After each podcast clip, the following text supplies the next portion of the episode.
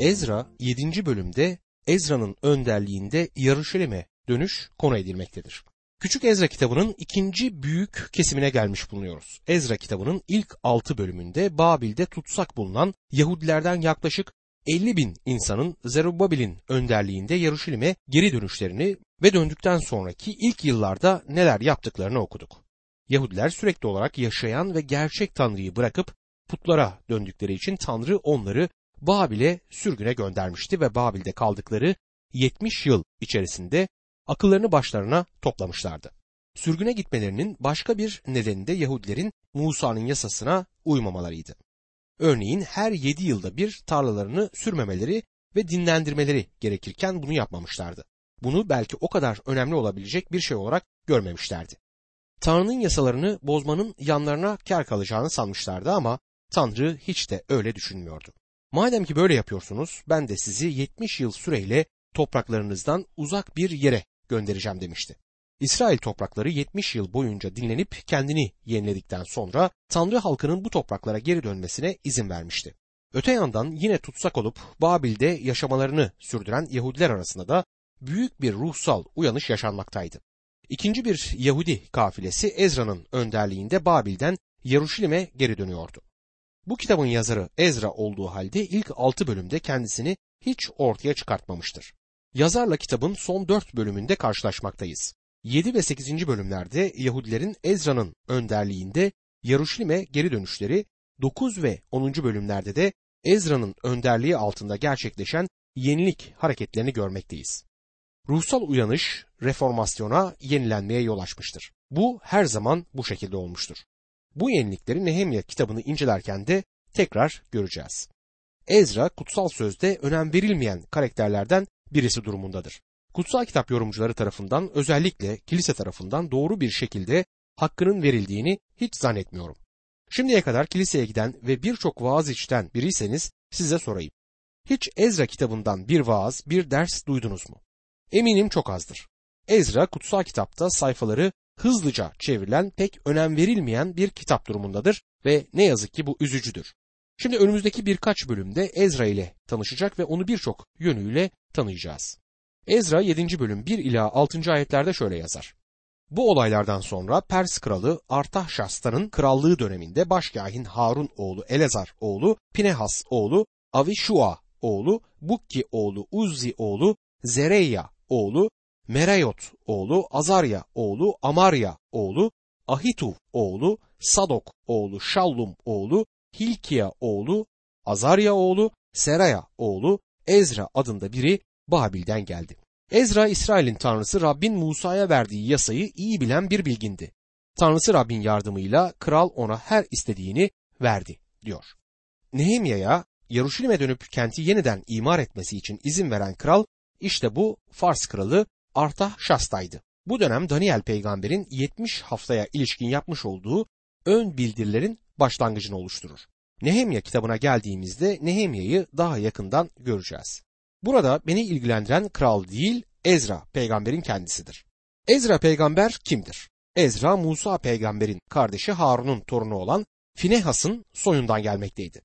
Bu nedenle sülalesinde kahinler ve başkahinler bulunan birisiydi. Eğer Yaruşilim'de bir tapınak olsaydı Ezra büyük bir olasılıkla orada kahin belki de başkahin olarak hizmet edecekti. Ama işte bir tapınak yoktu. Nebukadnezar'ın orduları tarafından Yaruşilim'deki tapınak yakılıp yıkılmıştı. Öyle anlaşılıyor ki Ezra birinci kafileyle Yaruşilim'e dönmek istememişti. Yaruşilim'de onun yapacağı bir şey yoktu. Büyük bir olasılıkla zaten Babil'de kalan Yahudilere ruhsal hizmette bulunmaktaydı. Şimdi ise Ezra'nın önderliğinde 2000 Yahudi Babil'den Yaruşilim'e dönmeye hazırlanmaktadır. Yaruşilim'deki tapınağın yapımı tamamlanmıştı ve Ezra döndüğünde ruhsal hizmetini sürdüreceği bir yer bulunmaktaydı. Daha sonra da göreceğimiz gibi Ezra aynı zamanda Tanrı sözünü öğreten bir öğretmendir. Burada Eliazar'ın oğlu Harun'un torunu olan Pinehas'tan söz edilir. Pinehas'la kutsal kitapta ilk kez İsrail halkının putperestliğe döndüğü bir dönemde karşılaşırız. Pinehas'ın gayreti ve yaptığı işler İsrail'i yıkıma götüren belaların son bulmasına neden olmuştu. Anımsayacaksınız Baal'ın peygamberlere İsrail lanetlemesi için izin çıkmayınca Baalam krala Tanrı halkının arasına dünyayı, bedeni ve şeytanı getirmek amacıyla onlarla evlenmeyi teşvik etmesini öğretmişti. Çölde sayım 25. bölüm 7 ila 11. ayetlerde bunu okumamız mümkündür. İsrail erkeklerden birinin Midyanlı bir kadın aldığını okuruz.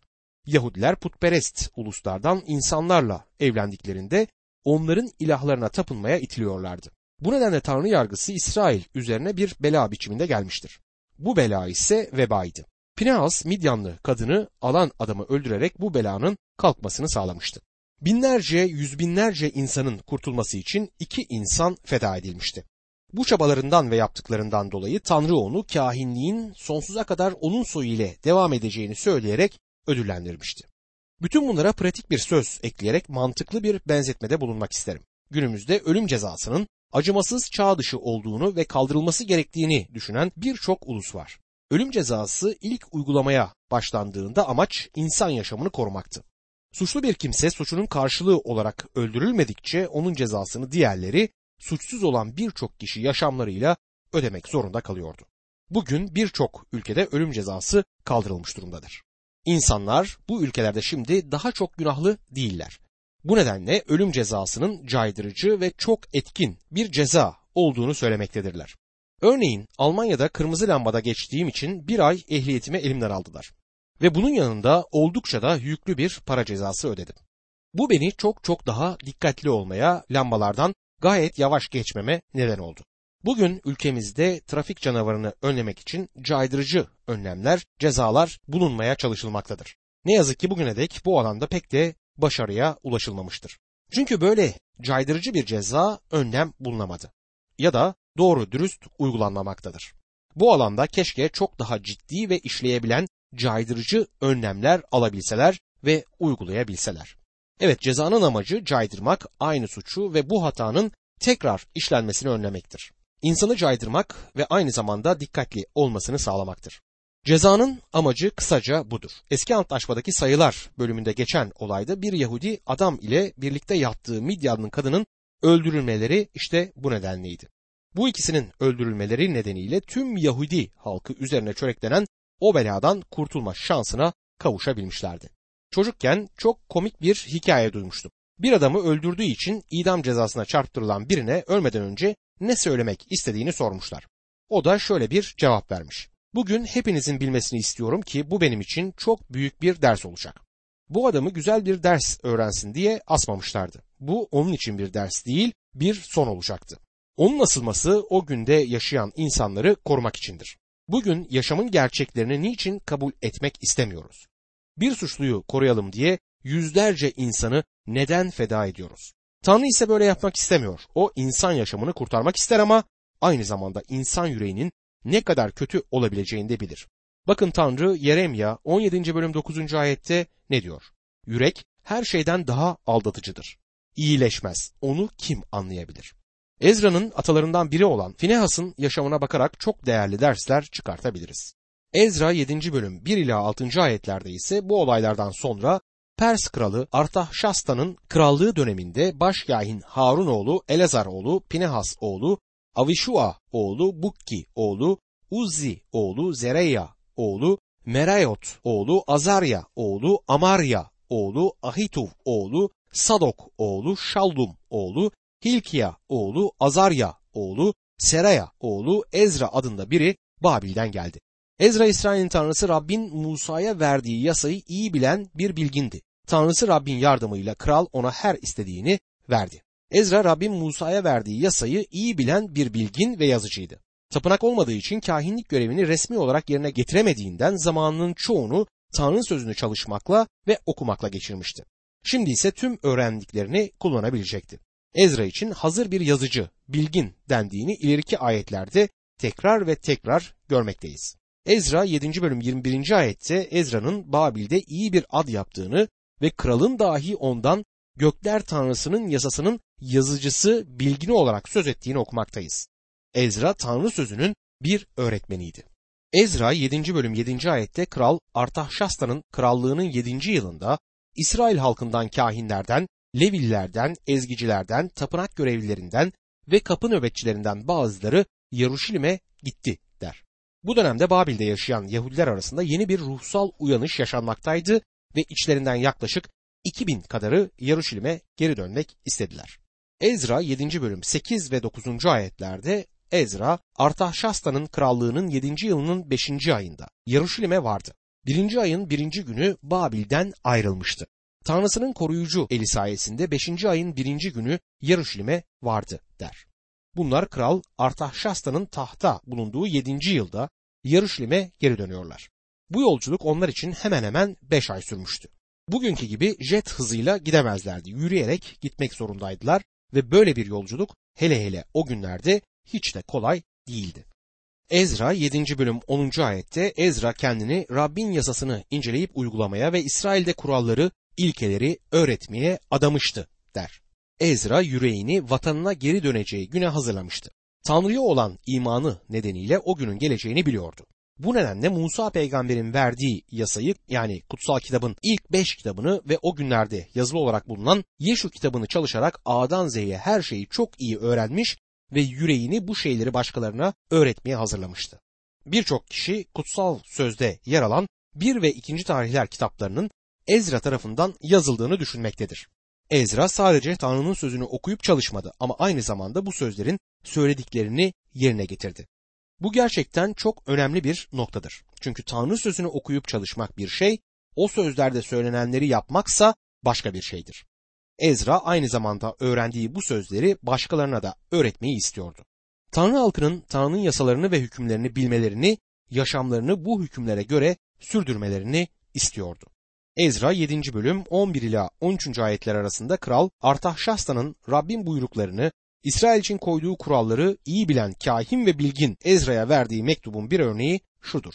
Kralların kralı Artahşasta'dan gökler tanrısının yasasının bilgini kahin Ezra'ya selamlar.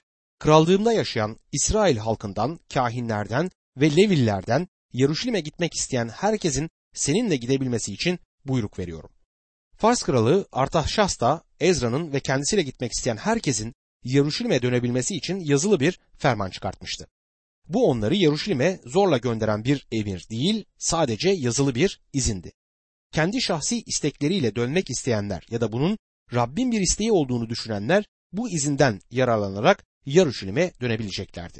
Ezra 7. bölüm 14 ve 15. ayetlerde elindeki Tanrı'nın yasasının uygulanıp uygulanmadığı konusunda Yahuda ve Yeruşalim'de araştırma yapman için ben ve yedi danışmanım seni görevlendirdik. Benim ve danışmanlarımın Yeruşalim'de konut kuran İsrail'in tanrısına gönülden verdiğimiz altını, gümüşü birlikte götürmelisin diyor. Sonra 16 ile 25. ayetler arasında şunları okuruz. Babil ilinden elde edeceğin altının, gümüşün tümünü, halkın ve kahinlerin tanrılarının Yeruşalim'deki tapınağına gönülden verdikleri armağanları da alıp götürmelisin. Bu parayla hemen boğalar, koçlar, kuzular, tahıl sunuları ve dökmelik sunular satın alacak ve hepsini Tanrı'nın Yaruşilim'deki tapınağının sunağı üzerinde sunacaksın. Sen ve kardeşlerin artan altını, gümüşü Tanrınızın isteği uyarınca dilediğiniz gibi kullanın. Tanrı'nın tapınağının hizmetinde kullanılmak üzere sana verilen kapların hepsini Yeruşalim'in Tanrısına sun. Tanrı'nın tapınağı için ödemen gereken başka bir şey varsa giderleri kralın hazinesinden karşılansın. Ben kral Artahşasta, Fırat'ın batı yakasındaki bölgenin bütün hazine görevlilerine buyruk veriyorum. Gökler Tanrısı'nın yasasının bilgini kahin Ezra'nın sizden her istediğini özenle yerine getirin. Kendisine gerektiğinde yüz talanta kadar gümüş, yüz kor buğday, yüz bat şarap, yüz bat zeytinyağı ve istediği kadar tuz sağlayın. Göklerin Tanrısı kendi tapınağı için ne buyuruyorsa özenle yerine getirin. Öyle ki bana ve oğullarıma öfkelenmesin. Şunu da bilesiniz ki kahinlerden, levililerden, ezgicilerden, tapınak görevlilerinden ve kapı nöbetçilerinden Tanrı'nın tapınağının öbür hizmetkarlarından vergi almaya yetkiniz yoktur. Sana gelince Ezra, sendeki Tanrı bilgeliği uyarınca yargıçlar ata. Bunlar Fırat'ın batı yakasındaki bölgede yaşayan bütün halka, Tanrı'nın yasalarını bilenlerin hepsine adalet sağlasınlar. Yasayı bilmeyenlere de siz öğreteceksiniz demektedir.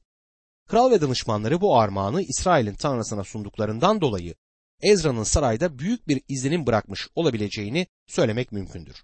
Ezra'ya hakimler ve yöneticiler atama yetkisi verilmiştir. Toplanan bütün bu armağanları aldılar ve kral Ezra'yı büyük yetkilerle donattı. Sonra yola çıkmak için hazırlıklara başladılar. Kralın vermiş olduğu fermana bakıldığında Tanrı'ya çok büyük hürmet ve saygıda bulunduğu görülecektir. Bakın kralın fermanı nasıl sonuçlanıyordu. Ezra 7. bölüm 26. ayet. Tanrı'nın yasasına ve kralın buyruklarına uymayanlar ya ölümle ya sürgünle ya mallarına el konularak ya da hapsedilerek cezalandırılsın. Bu yasa kuşkusuz İsrail'e varmalarından sonra orada yaşayan Yahudiler için geçerli olacaktı. Diğer bir deyişle ülkelerine geri varırlarsa Tanrı ile olan ilişkilerini ciddiye almalı, ona yaraşır bir hayat yaşamalıydılar. Bütün bu gelişmeler karşısında Ezra Tanrı'ya teşekkürler sunarak şöyle diyordu. Ezra 7. bölüm 27. ayette. Atalarımızın Tanrısı Rabbe övgüler olsun. Kralın yüreğine Yaruşilim'deki tapınağını onurlandırma isteğini koydu. Sadece tapınak yapılmış olmakla kalmayacak ama aynı zamanda güzelleştirilecekti de. İbadet yerleri de bu yeri sahiplenen insanların gayretlerine göre elden geldiği kadarıyla temiz tutulmalı ve güzelleştirilmelidir. Ezra 7. bölüm 28. ayette kralın danışmanlarının, güçlü komutanlarının bana iyi davranmalarını sağladı. Tanrım Rabbin eli üzerimde olduğundan yüreklendim. İsrail ileri gelenlerinin bazılarını toplayıp benimle Yaruşilim'e dönmelerini sağladım diyor. Ezra ile birlikte dönen kafilede seçkin kimseler ve önderler bulunmaktaydı. İkinci kafilede gidenlerin sayısı birinci kafiledekiler kadar çok değildi ama Yahudi ulusunun önderlerinden birçoğu bu kafilede yer almaktaydı. Ezra 8. bölüm Ezra ile birlikte Yarışlüme geri dönen kişilerin listesini vermektedir. Ezra Levillerin de kendisiyle gelmelerini sağlamıştır. 7. bölüm 24. ayette bunu okumaktayız. Hizmetçiler olan Netinimler de gidenler arasındaydı. Sonra Ezra'nın kişiliğini açığa vuran bir olayı 8. bölüm 21. ayette görürüz. Şöyle yazar. Tanrımızın önünde alçak gönüllü davranmak, ondan kendimiz, çocuklarımız, mallarımız için güvenli bir yolculuk dilemek üzere orada Ahava kanalı yanında oruç ilan ettim. Ezra Ahava ırmağının yanında oruç ilan etti ve büyük bir dua toplantısı gerçekleştirdi. Tanrı'nın isteğini öğrenmek istiyordu. Ezra 8. bölüm 22 ila 23. ayetlerde yolculuğumuz sırasında herhangi bir düşmandan bizi korumaları için kraldan asker ve atlı istemeye utanıyordum. Çünkü krala Tanrımız kendisine yönelenlerin hepsine iyilik eder ama kızgın öfkesi kendisini bırakanların üzerindedir demiştik. Oruç tuttuk ve bu konuda Tanrımıza yakardık. O da yakarışımızı yanıtladı diyor. Bir anlamda Ezra şöyle diyordu. Ben kralın yanına gittiğim zaman ona Tanrı'nın elinin bizimle olduğunu ve onun bize düşman olanlara karşı duracağını ve bizi topraklarımıza geri götüreceğini söyledim. Sonra Ezra nehrin yanında toplanan yola çıkmaya hazır o gruba bakıyor. Aralarında aileler, küçük bebekler ve çocuklar vardı. Kendilerini çeşitli tehlike ve güçlüklerle dolu uzun ve çetin bir yolculuk beklemekteydi. En iyi şey kraldan küçük bir yardım kendisiyle birlikte gidecek ve kendilerini koruyacak birkaç asker istemekti. O zaman kral hani ne oldu Rabbe güvenmiyor muydunuz diyecektir. Bazen bizler Rabbe ne kadar çok güvendiğimizi abartılı sözlerle dile getirmekteyiz. Onun ne kadar güçlü, ne kadar merhametli olduğunu söylüyoruz ama ne zaman ki tecrübelere düşüp biraz sıkıntıya girsek o zaman hiç de ona güvenmediğimizi fark ediyoruz. İşte Ezra böyle bir kişiydi. Zayıf insan karakterine sahipti. Kraldan istemeye utandım diyor. Peki şimdi alternatif olarak ne yapabilirdi? Yanında bulunanları oruç tutmaya ve dua etmeye çağırdı. Ya Rab sana güvenmekten başka çaremiz yok diyordu. Rab de bizi çoğu zaman aynen bu duruma getirir ve biz de Ezra gibi çareyi Rabbe güvenmekte buluruz. Ezra 8. bölüm 31 ve 32. ayetlerde şöyle yazar. Birinci ayın 12. günü Yaruşilim'e gitmek üzere Ahava kanalından ayrıldık. Tanrımızın eli üzerimizdeydi. Yol boyunca düşmandan, pusuya yatanların saldırısından bizi korudu. Sonunda Yarışilim'e vardık. Orada üç gün kaldık. Kralın bu kafileyle birlikte çok sayıda altın, gümüş ve değerli eşyalar gönderdiğini biliyoruz. Bu değerli şeyler kahinlerin eline teslim edilmişti ve bunların korunması gerekmekteydi. Onların gerek duyduğu bu korumayı onlara Tanrı'nın kendisi sağladı ve güvenli bir şekilde Yaruşilim'e vardılar. Orada üç gün oturdular ve hazinelerini tapınağa Tanrı'nın evine götürüp teslim ettiler. Ezra 8. bölüm 35. ayette sürgünden dönenler İsrail'in Tanrısına yakmalık sunular sundular. Bütün İsrail için 12 boğa, 96 koç, 77 kuzu ve günah sunusu olarak 12 teke. Bütün bunlar Rabbe yakmalık sunu olarak sunuldu. 12 teke bu ayette de tekrarlanmaktadır. Niçin? Çünkü İsrail'in her bir oymağı için günah sunusu olarak 12 teke kurban edilmeliydi. Bu Yahudiler için Yaruşilim'e geri dönmek ve kurbanlarını Tanrı'ya oradaki bu yeni tapınakta sunabilmek için ne büyük bir olay olmalıydı.